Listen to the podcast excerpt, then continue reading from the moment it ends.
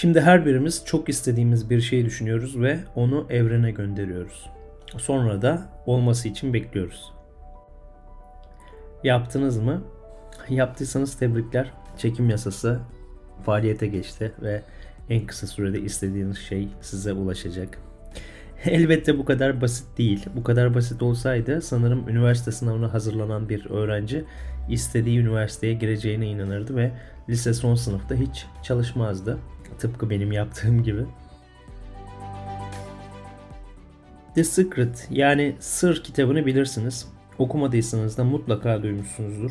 Türkiye'de en çok satan kitaplardan bir tanesiydi. Kırmızı bir kapak, üzerinde mühürlü bir şekilde basılmış S harfine benzer bir damga var. Çekim yasası dediğimiz şeyi hayatımıza sokan kitap bu kitaptı aslında. Fakat bizler özellikle Türk halkı olarak her zaman kolayı seçtiğimiz için inanırsak oluyor, çekim yasası işliyor demeyi daha kolay bulduğumuz için aslında kitapta yazan ana mesajı bu şekilde almak istedik. Bu kitabı okuduğumda lisedeydim ve hayatıma pozitif etkilerini gördüğümde ben de podcast'ın başında sizlere söylediğim gibi inanayım, evrene göndereyim ve olsun demeyi tercih etmiştim. Peki çekim yasası gerçekten kusursuz bir şekilde çalışıyor mu yoksa bir klişeden mi ibaret?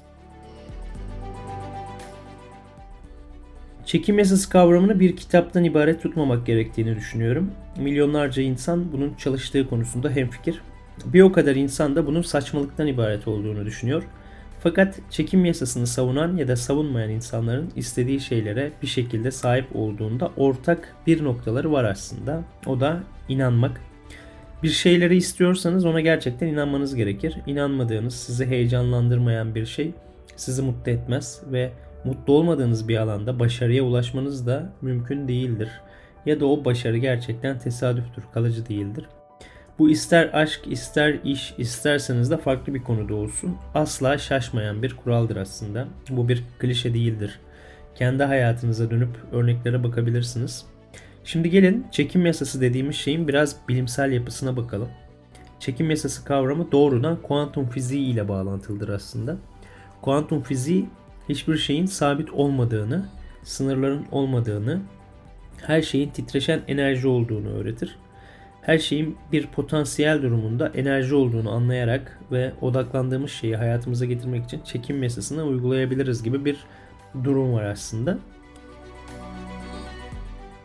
Newton'un klasik fiziği evrenin katı ve değiştirilemez ayrı yapı taşlarından oluştuğunu ele alır.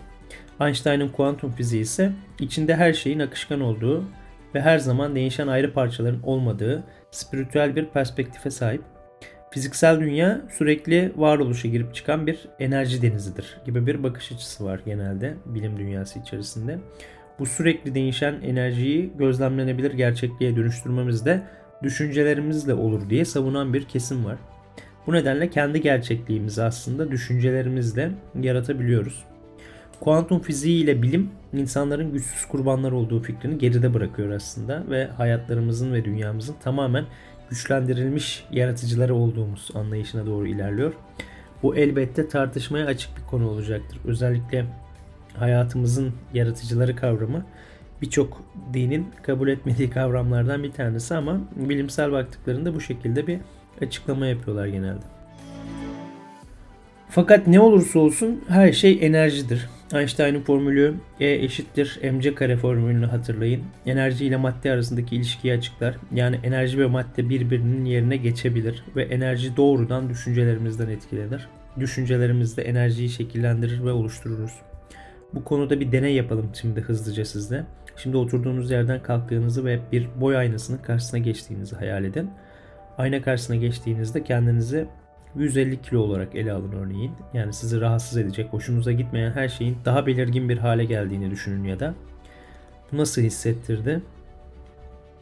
Muhtemelen bu hayali kurabildiyseniz kötü hissetmeye başlamışsınızdır. Aslında böyle bir gerçeklik henüz yok. Bu gerçeklik olmamasına rağmen düşünceleriniz sebebiyle kötü hissetmeye başladınız ve haliyle enerjiniz düştü bu düşünce içerisinde tıkalı kaldığınızda birçok şey yapmak istemeyeceksinizdir muhtemelen.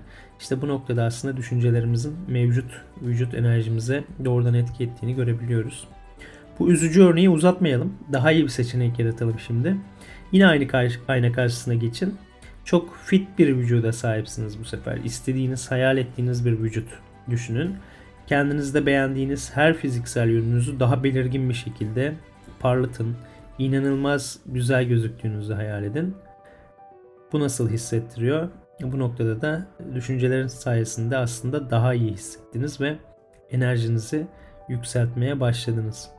Şimdi bu iki örneği ele alacak olursak kendinizde henüz olmayan kötü şeylere odaklanırsanız onları bir şekilde yaratmaya başlarsınız. Çünkü attığınız her adım, aldığınız her aksiyon onları gerçekleştirmek üzerine olacaktır. Bu savaşa hayır diyerek bir savaşı bitirmek mümkün değildir aslında.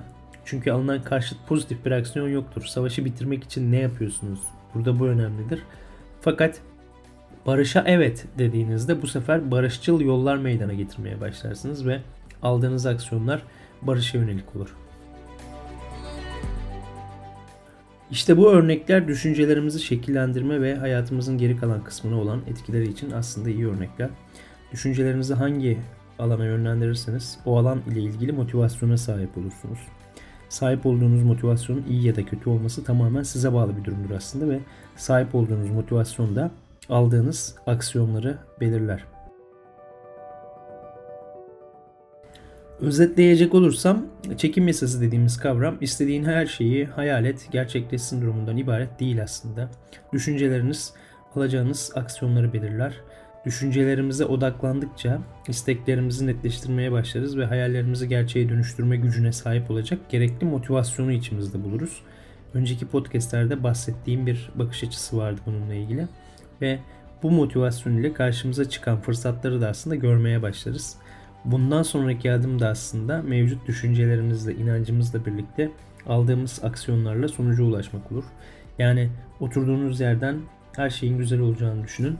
İyi hissedeceksinizdir. Evet, çok güzel bir şey. Ama güzel olmasını istediğiniz şeyler için oturduğunuz yerden kalkmanız gerekir. Podcast'ı dinlediğiniz için teşekkür ediyorum. Çok sevdiğim şu sözle de podcast'i bitiriyorum. Düşüncelerinize dikkat edin. Gerçekleşebilirler. Görüşmek üzere.